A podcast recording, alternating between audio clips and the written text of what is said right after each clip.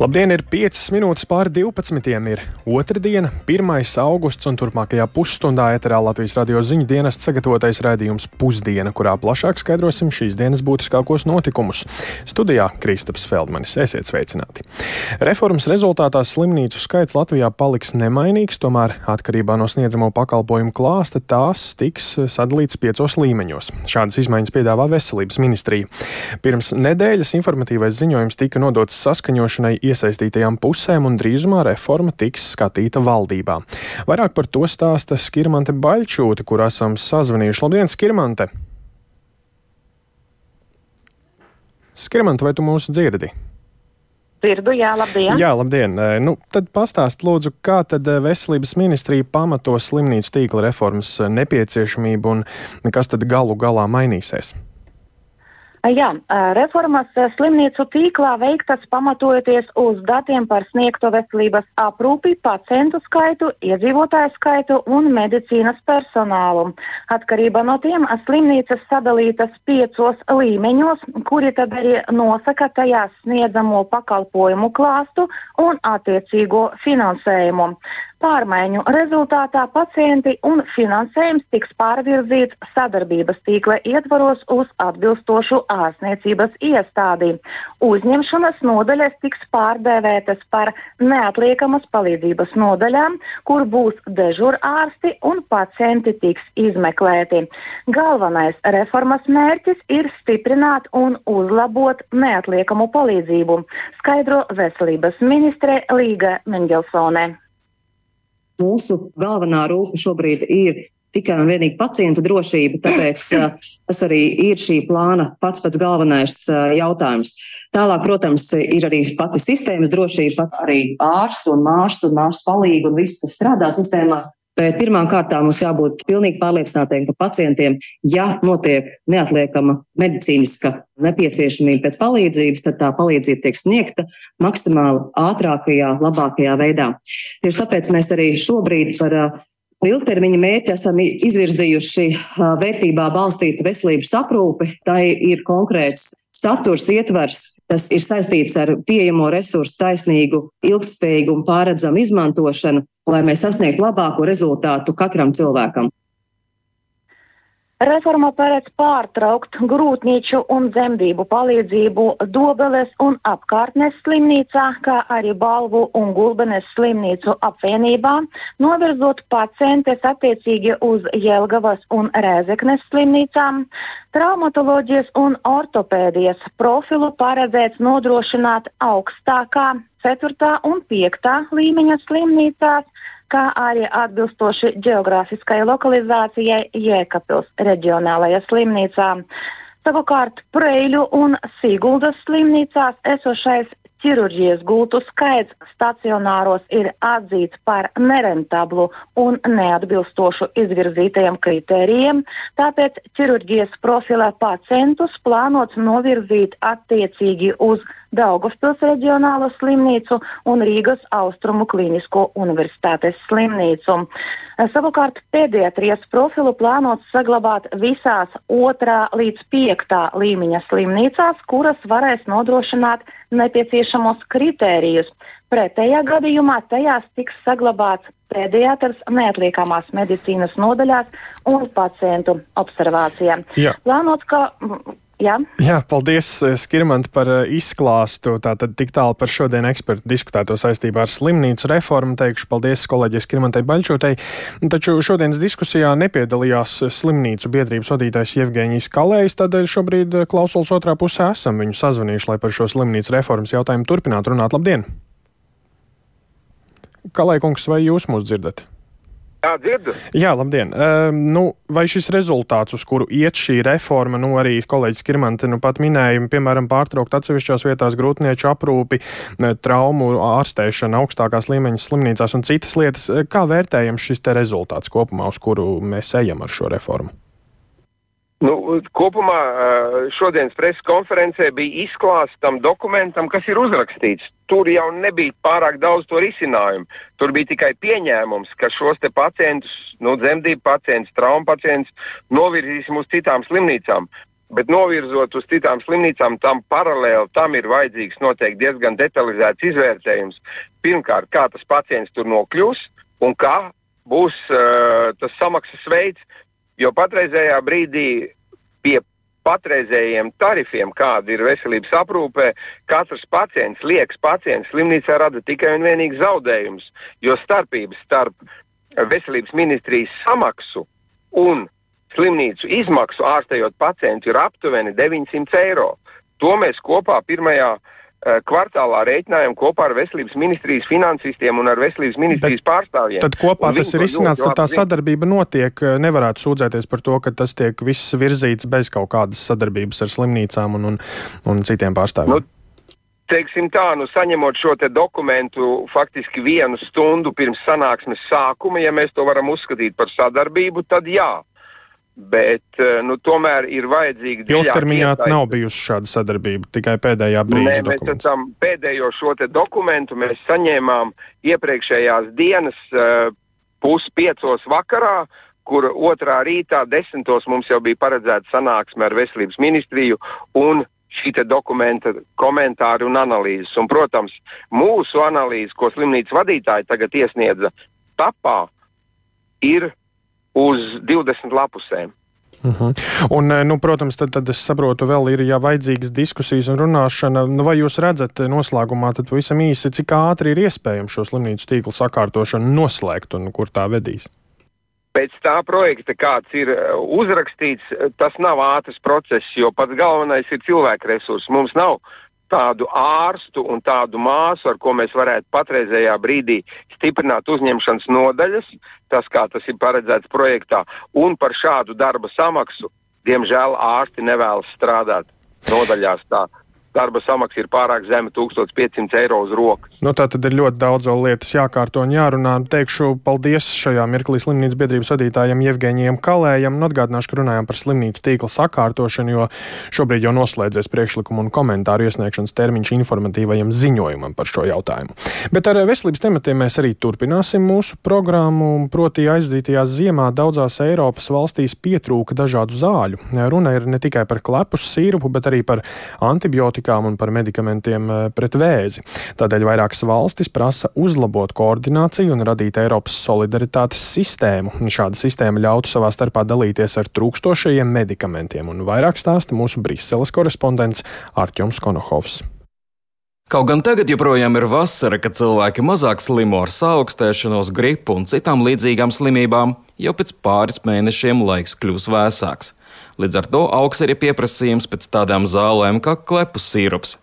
Pērn daudz vietā Eiropā tas ilgstoši nebija pieejams. Aptiekās trūka arī daudzu citu zāļu.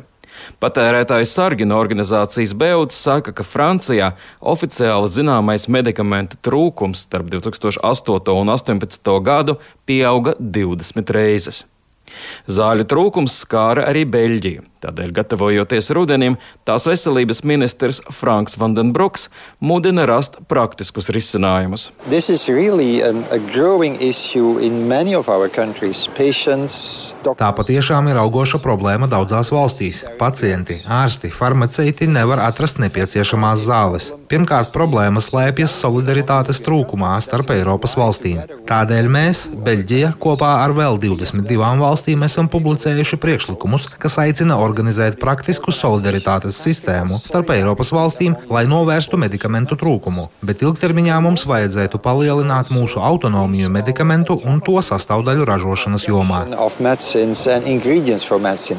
Šos izteikumus Vandenbroks sacīja piekdien notikušajā Eiropas Savienības veselības ministru sanāksmē Las Palmasas pilsētā Kanārijas salās. Spānija ir viena no valstīm, kas ir noteikusi fiksētu iepirkuma cenu ražotājiem par vairākiem populāriem patentbrīviem medikamentiem jeb ģeneriķiem. Bet šīs summas bieži vien ir pārāk zemas, lai nosaktu ražošanas paplašināšanas izmaksas. Tādēļ kompānijām vienkārši nav izdevīgi ražot vairāk šādu medikamentu, lai apmierinātu pieprasījumu. Zāļu trūkumu labi apzinās arī Grieķijas veselības ministra vietnieks Dimitrijs Vardzopuls.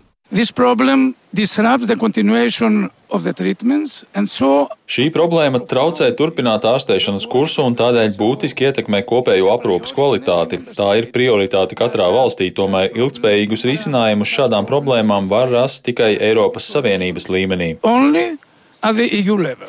Eiropas Savienības veselības komisāris Telja Kiriekidu saka, ka viņas paspārnē tiek veidota pirmā Eiropas Savienības brīdinājuma sistēma, kas uzraudzīs un laicīgi ziņos par iespējamo medikamentu trūkumu. Tāpat tiek radīts arī pirmais Eiropas Savienības kritiski svarīgu zāļu saraksts. Tajā minēto medikamentu pieejamību uzraudzīs Eiropas zāļu aģentūra. Tomēr pastāv šaubas, vai ar to tiešām pietiks, lai izvairītos vai vismaz mazinātu medikamentu trūkumu nākamajā ziemā. Tādēļ komisāre Kirjakidu cer, ka pēc iespējas ātrāk tiks apstiprināta pavasarī rosinātā farmaceitiskā reforma. Reforma paredz virkni soļu, lai uzlabotu dažādu zāļu pieejamību Eiropā, tostarp pret retām slimībām visās 27 valstīs. Eiropas patērētāju sargi apsveic piedāvātos soļus, bet uzskata, ka zāļu kompānijām būtu jāuzliek par pienākumu veidot medikamentu krājumus, kas būtu noderīgi brīžos, kad ir problēmas ar piegāžu ķēdēm. Arčuns Konahaus, Latvijas Rādio. Tik tālu par medikamentu trūkumu Eiropā, taču nu, pievērsīsimies aktualitātēm citvietā ārvalstīs un dosimies uz Āfriku. Francija šodien uzsāks savu pilsoņu evakuāciju no Rietumāfrikas valsts Nigēras, kur pēc pagājušajā nedēļā notikušā militārā apvērsuma ir izcēlušies eh, pret Franciju vērsti protesti. Nigēras kaimiņu valstis eh, Malī un Burkina Faso ir paziņojušas, ka jebkādi ārēji mēģinājumi ar spēku atjaunot amatā Nigēras gāsto prezidentu Muhamedu Bazumu tiks uzskatīti par kara pieteikumu ar šīm valstīm. Plašāk dzirdēsiet Ulda Ķezbera sagatavotajā ierakstā.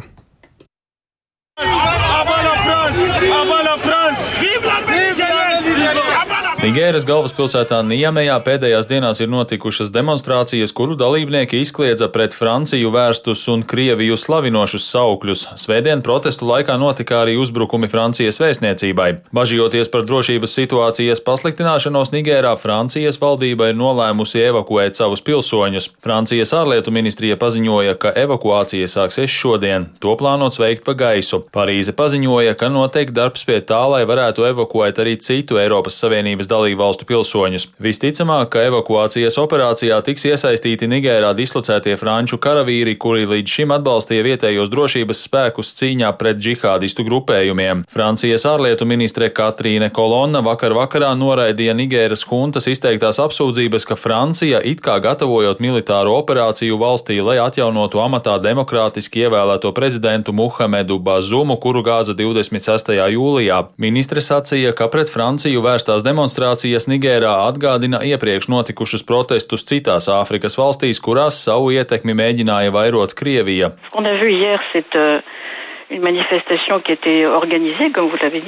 Mēs redzējām organizētu, nevis spontānu, vardarbīgu un ārkārtīgi bīstamu demonstrāciju ar molotovu kokteļiem, Krievijas karogiem un pret Franciju vērstiem saukļiem, kas jau agrāk ir redzēti citur. Diemžēl šeit ir manāmas visas ierastās sastāvdaļas Krievijas centieniem destabilizēt Āfriku. Nigērā kaimiņos esošās Mali un Burkina Faso, kur arī pie varas ir militāristi, paziņojušas, ka uzskatīs par uzbrukumu sev mēģinājumus militāri iejaukties Nigēras krīzes risināšanā. Abu valstu kopīgajā paziņojumā uzsvērts, ka militārai intervencei Nigērā būtu postošas sekas, kas varētu destabilizēt visu reģionu. Šādi Mali un Burkina Faso reaģējušas uz Rietumāfrikas valstu ekonomikas kopienas svētdien izteikto ultimātu Nigēras huntai, kurai ir dota nedēļa laika, lai atjaunotu amatā prezidentu Bazumu. Kopiena brīdināja, ka šīs prasības neizpildīšanas gadījumā reģiona valstis var pielietot arī militāru spēku, lai atjaunotu konstitucionālo kārtību Nigērā. Vairākas valstis, tostarp ASV un Vācija, ir paziņojušas, ka pārtrauc finansiālo palīdzību Nigērai līdz brīdim, kad amatā būs atjaunots līdzšinējais prezidents. Nigēra ir viena no nabadzīgākajām valstīm pasaulē, tāpēc ārvalstu finansējuma zaudēšana var izraisīt humanitāro krīzi valstī. Uldis Česberis, Latvijas Latvijas radio.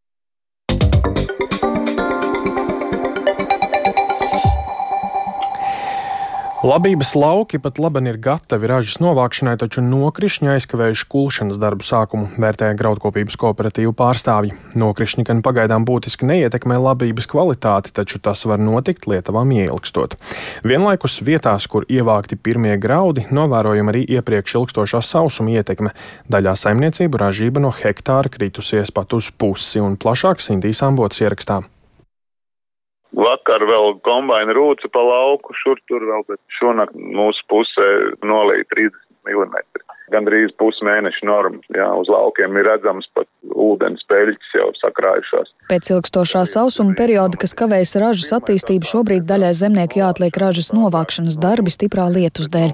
Nokrišņi gan pagaidām būtiski neietekmē labības kvalitāti, taču vietām uzsākot ražas novākšanu jau redzamas sausuma radītās sekas, skaidro kurzemes kooperatīva Turbes grauds pārstāvis Sandris Bēča. Pagājušās nedēļas nogalē Durvis grauds biedri uzsāka ražas novākšanu. Ziemas mieži jau bija agrāk novākti, bet nu, nu sākās rapšu, kviešu, zīrņu, ķīmeņu novākšana. Ir vietas, kur raža zudumi ir lielāki, ir vietas, kur raža zudumi ir mazāki. Nu, katastrofāli. Neteikšu, ka tāda ir. Pagaidām vismaz tā izstāsta. Nu, skaidrs, ka vasarājiem būs ražas kritums diezgan liels. Bet, nu, katrā gadījumā izstāsta šobrīd, kad, nu, kautēm darbiņš būs. Lai arī ražas novākšana Dienvidkurzemes pusē šobrīd ir apstājusies, no otras puses lietus visticamāk atvieglos ziemāju sēju mitrākas augsnes dēļ, vērtē Bēča.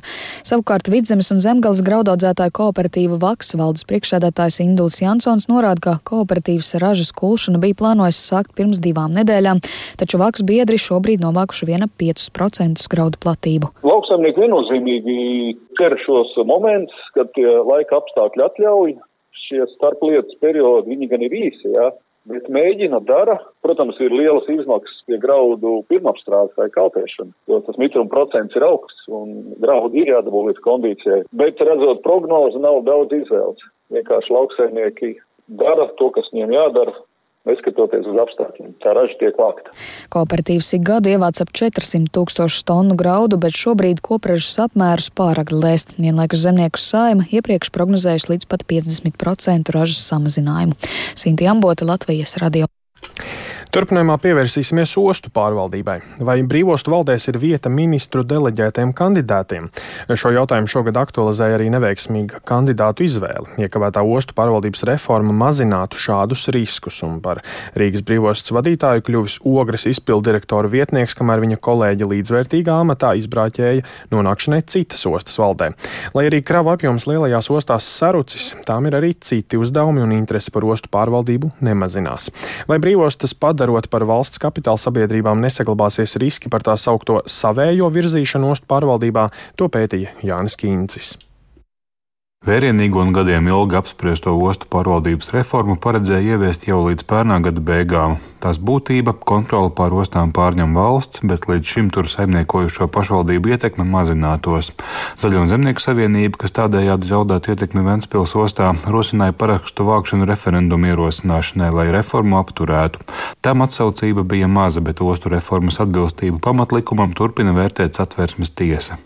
Satiksmes ministrija reformu Rīgas un Ventspils brīvostu pārvaldēs turpina. Paredzēts, ka tās stāsies spēkā jau nākamgad. Tās pārtaps par valsts kapitāla sabiedrībām, kuru vadību meklēs atklātā konkursā, bet pagaidām daļu brīvostu valdes locekļu izrauga nozaru ministrijas. Jānis Vitsenbergs no Nacionālās apvienības, kurš Kariņa valdībās pildīs gan ekonomikas, gan satiksmes ministra pienākumus, ostu valdēs ir rosinājis iecelt divus vadošas ogres novada amatpersonas. Aizdomas par politizētu un nepiemērotu kandidātu izvēlu darbam Liepā Liepājas speciālās ekonomiskās zonas valdē pauda Stividoru kompāniju asociācija.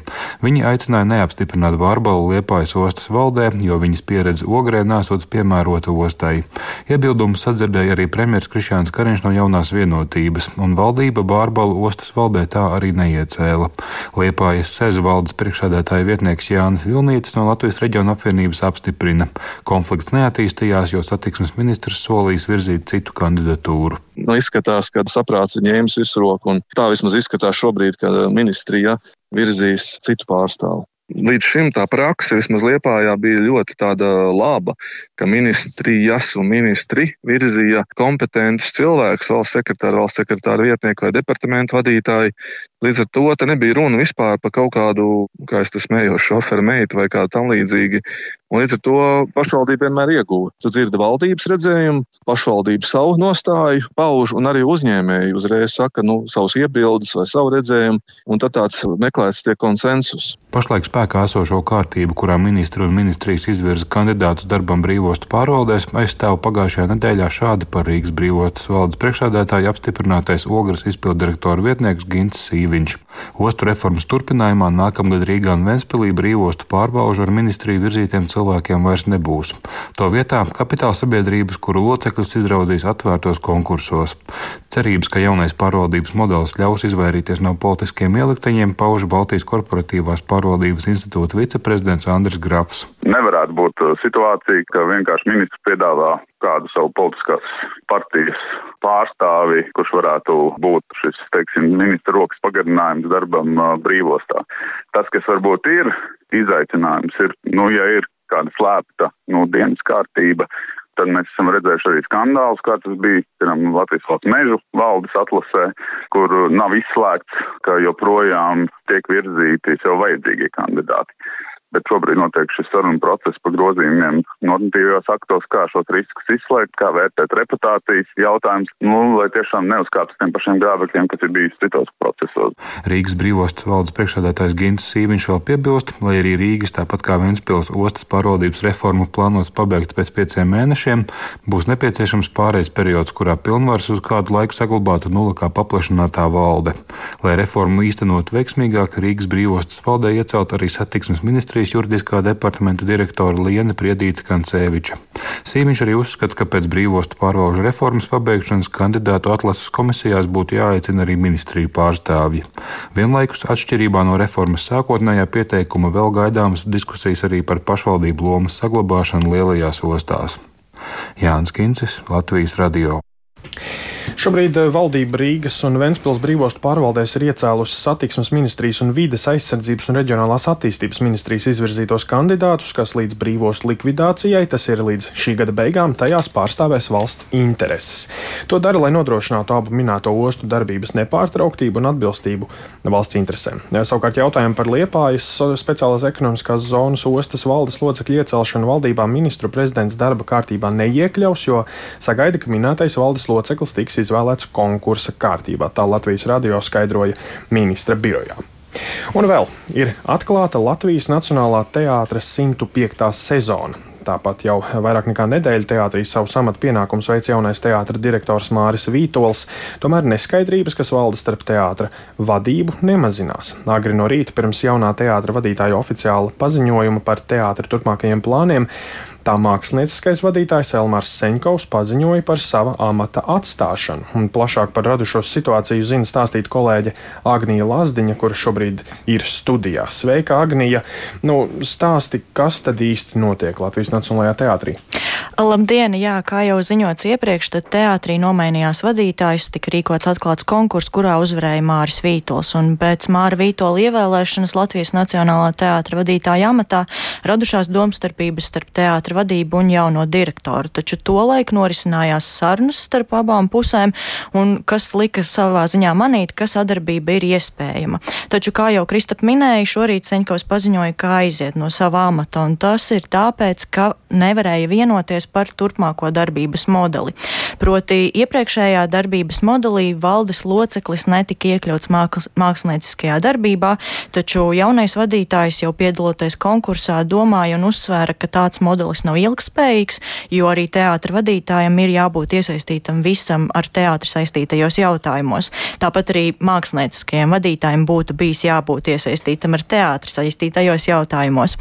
Un uh, Vītols piedāvāja, ka viņš varētu pievienoties jau esošai grupai, kas ir mākslinieckajai vadības grupai, taču Seņkaus tam nepiekrita. Paklausīsimies, kā tad uh, Latvijas Nacionālā teātra vadītājs Māris Vītols to skaidro. Dialogs ir noslēdzies ar to, ka Elmārs Seņkovs neturpinās ieņemt mākslinieckā vadītāja amatu Nacionālajā teātrī. Tā ir Elmāra Seņkova iniciatīva, bet Elmāram Senkovam ir arī noslēgti autorlīgumi. Katrā ziņā šīs mūsu saruna, dialogs, viņi beidzās uz ļoti labas nots manā izpratnē, un mēs nekādus tiltus neesam savā starpā sadedzinājuši, un mēs esam atvērti sadarbībai arī nākotnē ar Elmāru. Seņkaus atzina, ka tāds modelis nebūtu efektīvs un ka atbildība būtu jāuzņemas vienam cilvēkam, bet par to plašāk pēcpusdienā. Jā, paldies kolēģi Agnijai Lazdiņai par skaidrojumu saistībā ar notiekošo Latvijas Nacionālajā teātrī sākoties tās 105. sezonai. Vēl tikai gribu piebilst, iepriekš runājot par ostām, minēju, ka atbildes sniedzis ministra birojs. Tas, protams, bija premjera